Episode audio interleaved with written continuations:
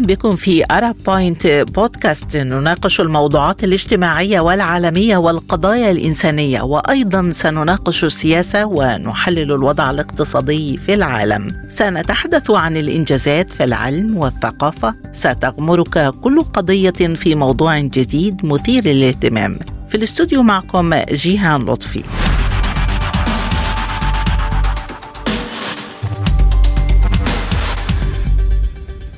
في حلقة اليوم نناقش هل تشهد المنطقة العربية ثورة صناعية كبرى؟ على وقع أزمات الإمدادات خلال جائحة كورونا والأزمة الأوكرانية تتجه الدول العربية لوضع استراتيجيات وخطط مكثفة لتنمية القطاعات الصناعية. وتستضيف الإمارات حاليا معرض الشرق الأوسط للتصنيع والتكنولوجيا وهو المعرض الأول من نوعه في المنطقة الذي يعنى بقطاع التصنيع والصناعات التحويلية. ويشهد مشاركة أبرز الشخصيات من الشركات الصناعية والمحلية والعالمية حيث تستعرض الشركات تقنياتها وحلولها المخصصة لقطاعي البناء والتصنيع. وفي السعودية أظهرت بيانات الهيئة العامة للإحصاء في السعودية الأسبوع الجاري ارتفاع مؤشر الرقم القياسي لكميات الإنتاج الصناعي بنسبة تقترب من 8 من 10% خلال شهر يوليو 2022 على أساس سنوي. جاء هذا النمو نتيجة ارتفاع الإنتاج في نشاط التعدين واستغلال المحاجر ونشاط الصناعة التحويلية ونشاط إمدادات الكهرباء والغاز في المملكة فيما تعتزم المملكة زيادة مساهمة القطاع الصناعي في الناتج المحلي ووضعت خططا لهذا الغرض ضمن استراتيجية 2030 المغرب بدوره أيضا يسعى لأن يكون قطبا عالميا في صناعة السيارات وهي ثاني أكبر القطاعات المصدرة في المملكة. إذ بلغت مبيعات المغرب في نهاية يوليو 2022 5.6 مليار دولار من قطاع السيارات فحسب وقبل أيام أعلنت المملكة المغربية عزمها مضاعفة إنتاج السيارات الكهربائية لتصل إلى 100 ألف سيارة خلال عامين. في الجزائر أيضا كشف وزير الصناعة الجزائري أحمد زغدار الأسبوع الجاري أن الوزارة بصدد جرد مؤسسات صناعة السيارات وتعمل حاليا على وضع أسس متينة لتلبية احتياجات السوق المحلية من السيارات وسيتم في هذا الإطار دمج مؤسسات صناعية للسيارات في البلاد في إطار مجمع واحد يضم نحو 42 مؤسسة. وفي مصر قال وزير التجارة والصناعة الجديد أحمد سمير إن الوزارة تعمل حاليا على مراجعة التشريعات الخاصة بقطاع الصناعة لإجراء التعديلات اللازمة عليها بما يسهم في زيادة مساهمتها في الناتج المحلي الإجمالي وتعزيز تنافسية المنتج الوطني بالسوق المحلي والعالمي. فيما دعا الرئيس المصري عبد الفتاح السيسي إلى مؤتمر اقتصادي عالمي. يقول الخبراء إن من شأنه دعم وتطوير قطاع الصناعة المصرية وزيادة تنافسيتها عالميا. فهل تشهد المنطقة العربية ثورة صناعية كبرى قريبا؟ ولماذا تتعثر برامج تطوير الصناعة على صخرة توطين التكنولوجيا؟ هل تدور الصناعة العربية في دوائر مفرغة من التنافسية البينية لمنتجاتها المتشابهة؟ وما الذي يضمن الاستدامة لبرامج التنمية الصناعية؟ هل تصلح الطاقة النظيفة لقيادة قاطرة الصناعة؟ هذه المحاور وغيرها أناقشها مع ضيوفي في حلقة اليوم من Arab Point بودكاست. البداية من مصر ومنها ينضم إلينا الخبير الاقتصادي ووكيل وزارة التجارة والصناعة للبحوث الاقتصادية الدكتور عبد النبي عبد المطلب. مرحبا بك معنا دكتور عبد النبي. وبداية ما حجم الاستثمارات في القطاع الصناعي؟ وسؤال حلقة اليوم هل تشهد المنطقة العربية ثورة صناعية قريبا؟ أهلا وسهلا. لو نظرنا إلى الأرقام الخاصة بالقطاع الصناعي هي طبعا بتختلف من بلد إلى بلد. لكن المؤكد إنها بتتراوح آه، في تخصيص الناتج المحلي الإجمالي العربي ما بين 16 إلى 20% من الناتج المحلي الإجمالي العربي. يعني يمكن في مصر كل ما بيبقى بيزيد الناتج المحلي الإجمالي اللي هو بنتكلم على حوالي 200 آه، مليار دولار. فإحنا بنقول إن آه، استثمارات الصناعة هذا العام وليس الرقم التراكمي في حدود 15 إلى 20 مليار دولار. إحنا بنتكلم على الاستثمار الصناعي خلال عام وليس رصيد الصناعه طبعا الدول العربية إمكانية أن يكون لديها قطاع صناعي هذا بالتأكيد أمر وارد وأمر ممكن.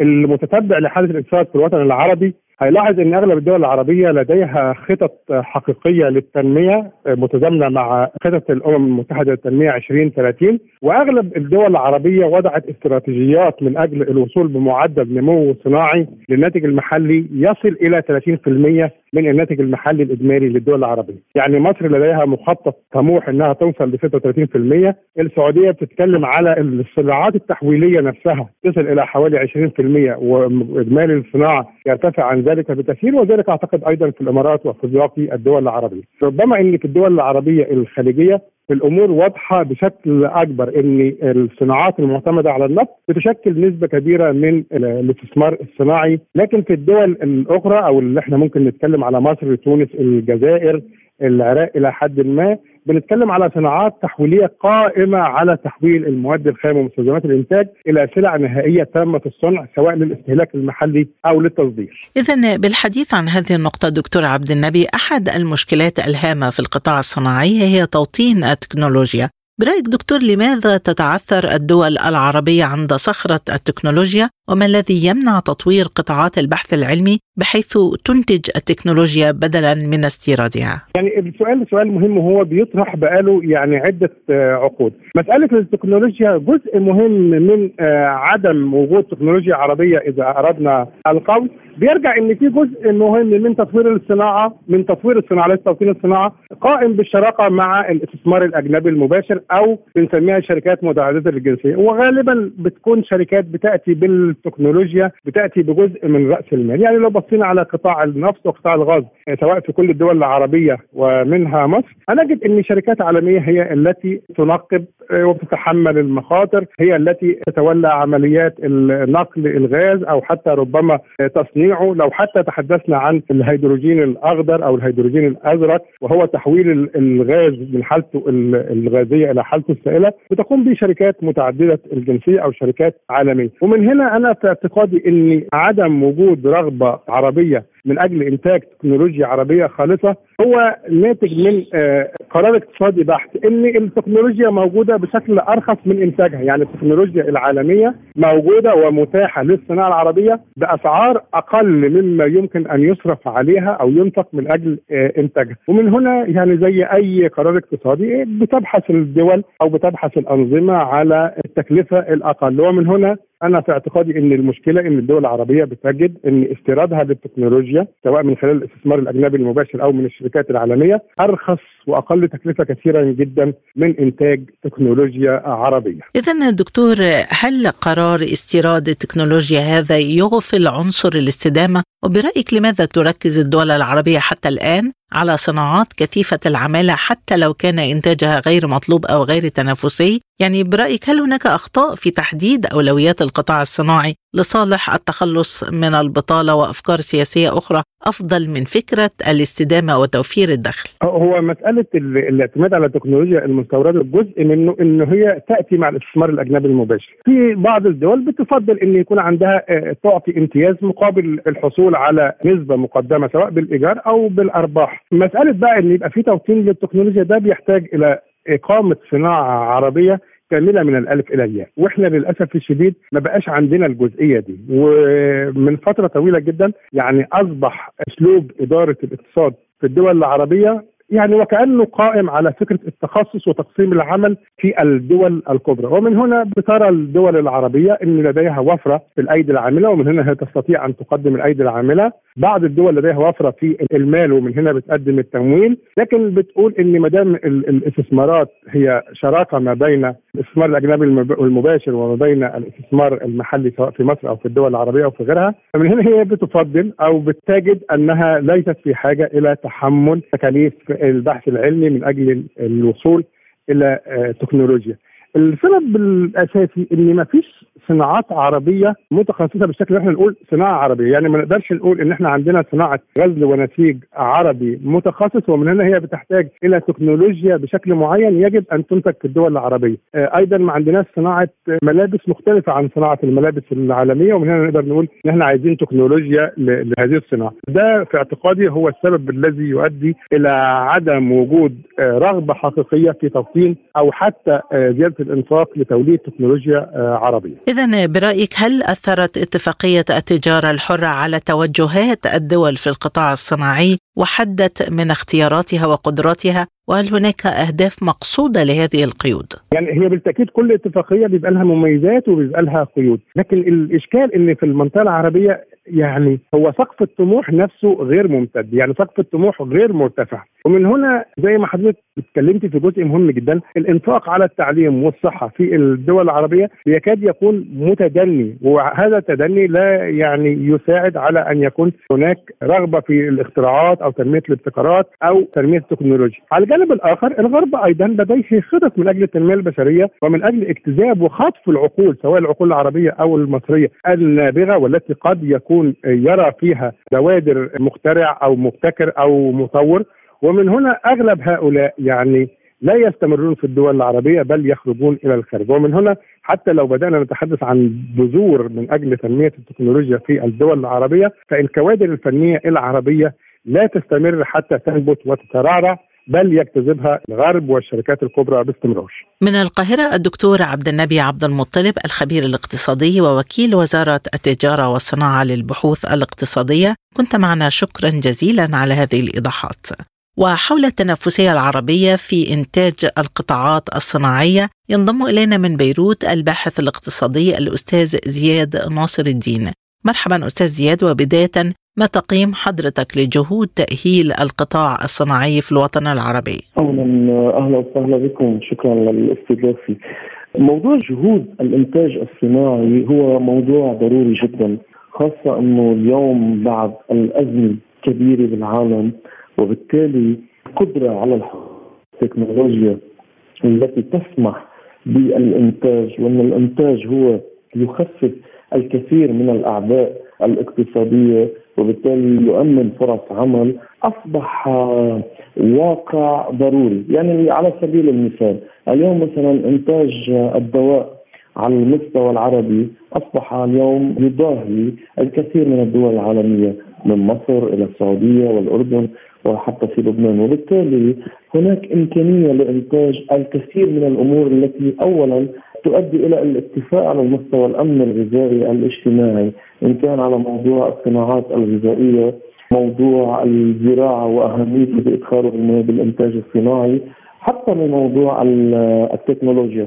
قد يكون هناك عدم توفر بعض المواد الأولية لكن معظم الدول هناك نقص في المواد الأولية لكن الأهم في الموضوع هو التكنولوجيا المعرفة القدرة والإصرار واتخاذ القرار وبالتالي يمكن مجاراة أي إمكانات إنتاجية في العالم من خلال خطة اقتصادية إنتاجية لأن كل دولة لديها إنتاج واكتفاء ذاتي بطبيعة الحال هي لديها نمو اقتصادي أكبر ولديها فرص اقتصادية كبيرة مستقبلية. ولكن أستاذ زياد الصناعات العربية متشابهة إلى حد كبير مما يخلق تنافسية عربية بينية، ما الحل لهذه الإشكالية؟ وهل تدور الدول العربية في دوائر مفرغة يعني معظم الصناعات العربية تركز على صناعات شبيهة مثل الصناعات البتروكيماوية والغذائية وغيرها من القطاعات التي تشهد تنافسية عربية طبعا هو اولا لا يوجد وحدة عربية ومخطط عربي واضح للصناعة، هي هذه المشكلة التي يعاني منها العرب. اولا هناك دول عربية لديها امكانات مالية ضخمة هناك دول عربية فقيرة لديها القدرة واليد العاملة والمواد الأولية لكن لا يوجد التفاعل الصناعي الإنتاجي ولا الخطط الاقتصادية المدروسة. وبالتالي ما زال العرب حتى اليوم هم في السابق كان هناك مشروع يقوم على إلغاء الرسوم الجمركية بين الدول العربية هو لم يتحقق. وبالتالي بطبيعة الحال الخلافات السياسية هي تعكس الواقع الاقتصادي بكل أموره. لكن هل لدى العرب إمكانات ويمكن التخطيط والاستفادة من هذه الامكانات أكيد أكيدا.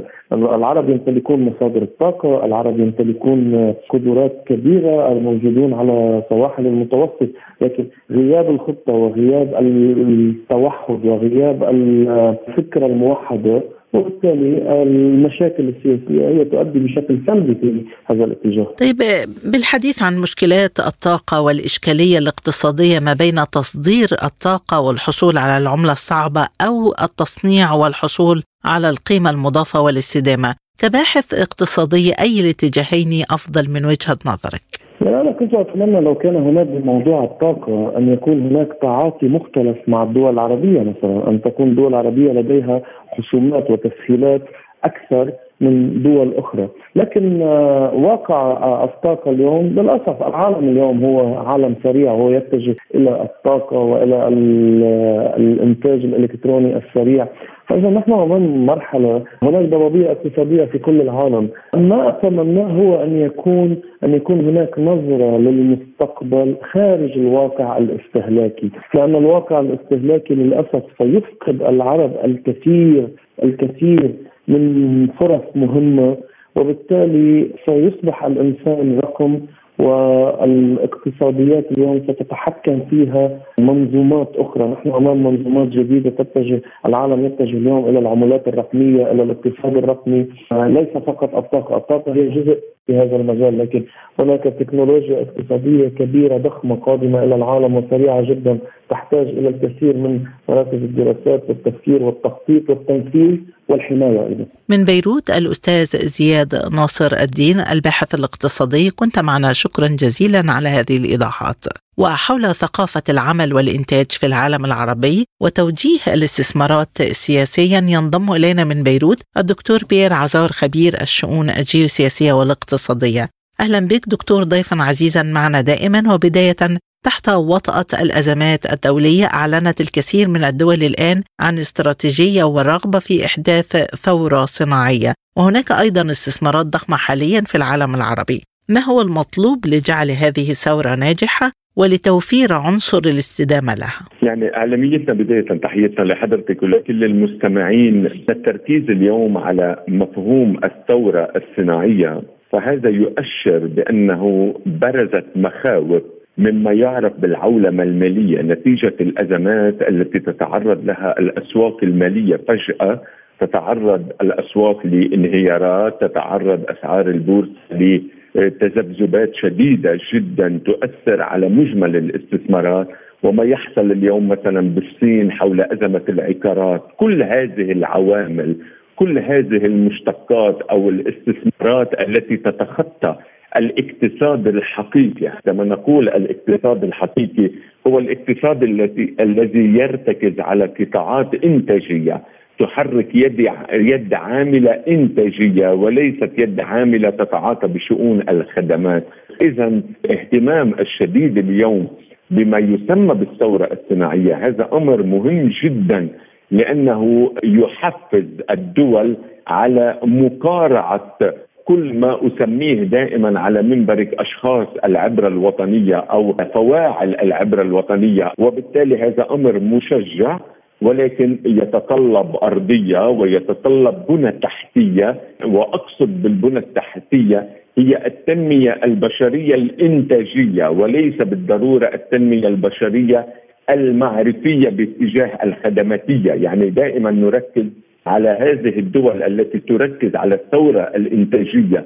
وما يعرف بالثورة الصناعية وكذلك الأمر هذا أمر ينعكس على الصناعات الزراعية وليس فقط على الإنتاج الزراعي إنما تصنيع المنتجات الزراعية لأن الثورة الصناعية هي أمر شامل لكثير من الأمور ولكن يهدف في نهاية الأمر إلى تحفيز العوامل الإنتاجية وتطوير الاقتصاد الإنتاجي مما يخلق عوامل لإدخال عملات أجنبية مما يغذي ميزان المدفوعات مما يؤدي إلى ضبط إيقاع الخلل في الحساب الجاري داخل ميزان المدفوعات.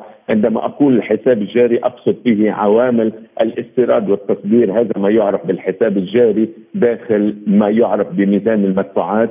الذي يشكل المحور الأساس لبنية أي دولة من ناحية قدرتها على القوة والنمو لأنه أي خلل في الميزان المدفوعات يؤدي إلى الحاجة دائما إلى تغذيته بتدفقات نقدية وهذا أمر صعب خارج إطار العوامل الإنتاجية لأنه الصناعة يعني إدخال عملة نادرة تؤدي إلى تغذية غير النمو الجي دي بي إنما يؤدي إلى تغذية ميزان المدفوعات وسد العجز طبعا في الميزانية العامة وما يعرف بالموازنة، الدول لديها موازنة وليس ميزانية. تفضلت حضرتك بالحديث عن التنمية البشرية، ما هو تقييم حضرتك لثقافة العمل والإنتاج في العالم العربي وكيف يمكن تأهيل الشعوب للانضمام لهدف الثورة الصناعية؟ يعني اعلاميتنا من أصعب الأسئلة هذا الموضوع لأنه هنالك مغالطة كبيرة لدى كثير من الدول من شعوب العالم بانه العالم العربي لا يمتلك مقدرات.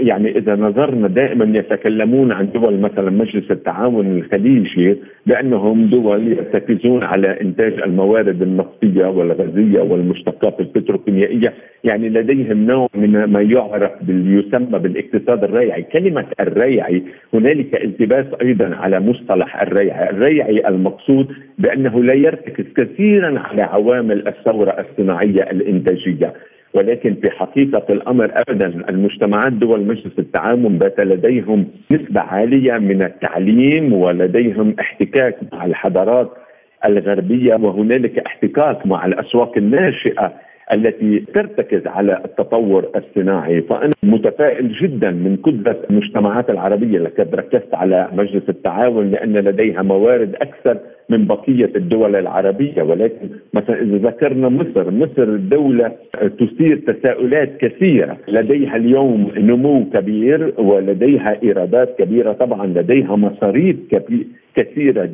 مصر الإشكالية لدى مصر هو النمو السكاني الهائل وهذا أمر يربك الدولة ويربك مهما كان لديها من إيرادات ولكن هنالك إيجابية بأن الطاقة الشبابية تزداد كثيرا وعلى الدولة المصرية أن تدع دائما مشاريع من أجل أن تستفيد من الطاقة الشبابية لأنه أهمية المجتمع المصري نتيجة الولادات بأنه نسبة الشيخوخة قليلة جدا أمام الطاقة الشبابية وهذا أمر يمكن لمصر أن تستفيد منه وبالتالي مصر إلى جانب دول مجلس التعاون الخليجي إلى جانب ما تمتلكه العراق من خيرات وحتى طاقات ولكن العراق تعترف بان لديها نقص وهذا نقص في الطاقات البشرية ولكن لديها موارد. من هنا تم التوافق مؤخرا بين العراق ولبنان.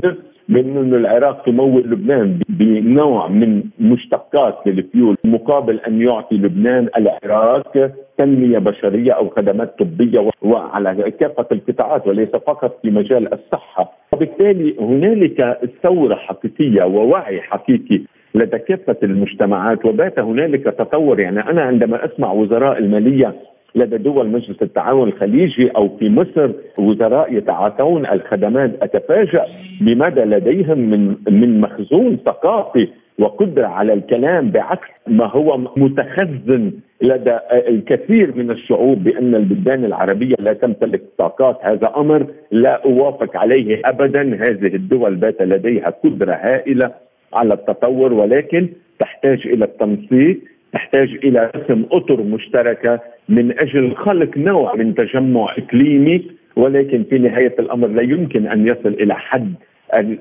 يعرف بالوظيفية الجديدة لأن هنالك دائما خوف من سيطرة دول دولة كبيرة على الدول الأصغر ونحن مجتمعات شرقية دائما لدينا خصوصية نرفض عملية القمع أو عملية السيطرة وهذا ما يؤثر أيضا على بلورة الوحدة النقدية العربية وحتى ضمن مجلس التعاون الخليجي هنالك إشكالية في بلورة وحدة النقد ولكن أمام هذه التطورات نحن أمام لحظة يبدو فيها بأن التطور واضح وجلي في العقود القادمة. بالحديث عن رفض السيطره دكتور بيير إلى أي مدى يمكن أن يؤدي توجيه الاستثمارات سياسيا؟ إلى إرباك قطاعات الصناعة في الدول مثلا؟ رأينا كيف تم توجيه استثمارات فرنسية لقطاع السيارات في إيران؟ وعند الاختلاف معها تم سحب هذه الاستثمارات والكثير من الأمثلة الأخرى. إلى أي مدى يؤدي توجيه الاستثمارات سياسيا إلى إرباك قطاعات الصناعة؟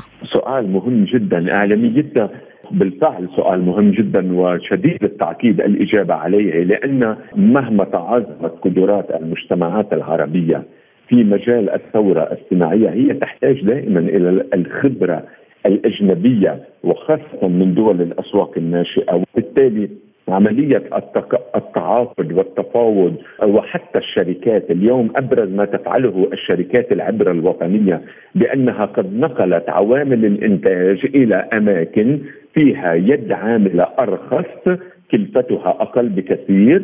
وقريبة جدا على الموارد الطبيعية، ماذا يعني هذا الأمر؟ يعني كلفة أقل وبالتالي يتم البيع في أسواق ذات قيمة مضافة أعلى ويحققون أرباح كثيرة، وهذا ما يحصل عندما تنتقل مثلا الشركات الصينية باتجاه أماكن أقل كلفة في مجمل المجالات سواء بالكلفة اليد العاملة أو بالموارد الطبيعية، ولكن في نهاية الأمر لا يمكن للعالم العربي أن يتنصل أو أن يقوم وحده بتطوير القدرات الصناعية في أقله في المدى المنظور لأنه يحتاج أيضا صحيح بأن هنالك عمل على تطوير التنمية البشرية خاصة في المجال التكنولوجي وهذا أنا دائما أناشد بدءا من لبنان.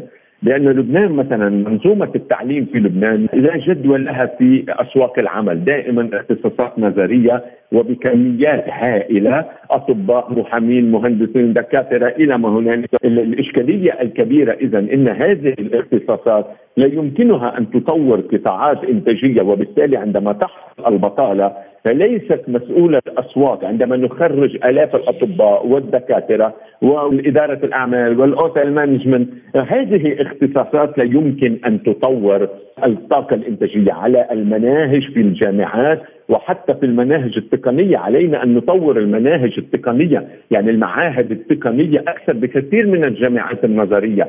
هذه هي الدول الغربية ومثلا أوروبا وخاصة فرنسا لديها ما يعرف بالبوليتكنيك يعني هؤلاء يستطيعون أن يبنوا كل شيء في مجال ال technology. هذا ما يجب أن نركز عليه في التنمية البشرية لكي نستطيع أن نطور قدراتنا العقلية باتجاه ثوره صناعيه مما يؤدي إلى تقليص اعتمادنا على العقل الغربي. وأنت دائما إعلاميتنا على منبري كنت أقول لأن لدينا انبهار بالحضارة الغربية وهي في نهاية الأمر هي مجمل تراكمات الحضارات عبر التاريخ وليست هي حضارة مستقلة طيب في موضوع الطاقة النظيفة والبيئة دكتور بيير هل تصلح الطاقة النظيفة لإحداث ثورة صناعية أم ما زال الوقود الإحفوري هو المحرك الأول لقاطرة الصناعة؟ عالميتنا لا يمكن للطاقة النظيفة مهما تطورت أن تكون بديل عن الطاقة الأحفورية لمدى طويل وليس لمدى متوسط.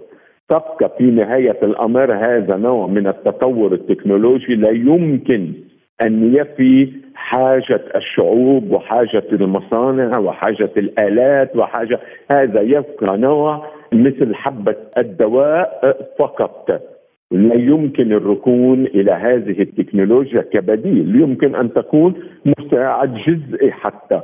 للوقود الاحفوريه، نحن ما نزال الاحفوري ما نزال نحن بحاجة إلى تطوير كل المشتقات النفطيه والغازية الموجودة في باطن الأرض وتحت مياه البحر. أخيرا دكتور سؤال حلقة اليوم هل ستشهد المنطقة العربية ثورة صناعية كبرى قريبا؟ من الصعب آدميتنا أن نصل إلى ثورة صناعية في العالم العربي في المدى المنظور ولكن أقول لقد وضعت المداميك الأولى ولكن في نهاية الأمر تبقى المجتمعات العربية بحاجة إلى تطوير التنمية البشرية التكنولوجية وكما ذكرت قبل لحظات بضرورة تغيير المناهج والتركيز على المعاهد التقنية من أجل أقله أقلمت أو الحد من التأثيرات الخارجية لأنه طبعا هنالك دول كثيرة سوف تحاول أن تعرقل أي تطور تكنولوجي أو صناعي لدى المجتمعات العربية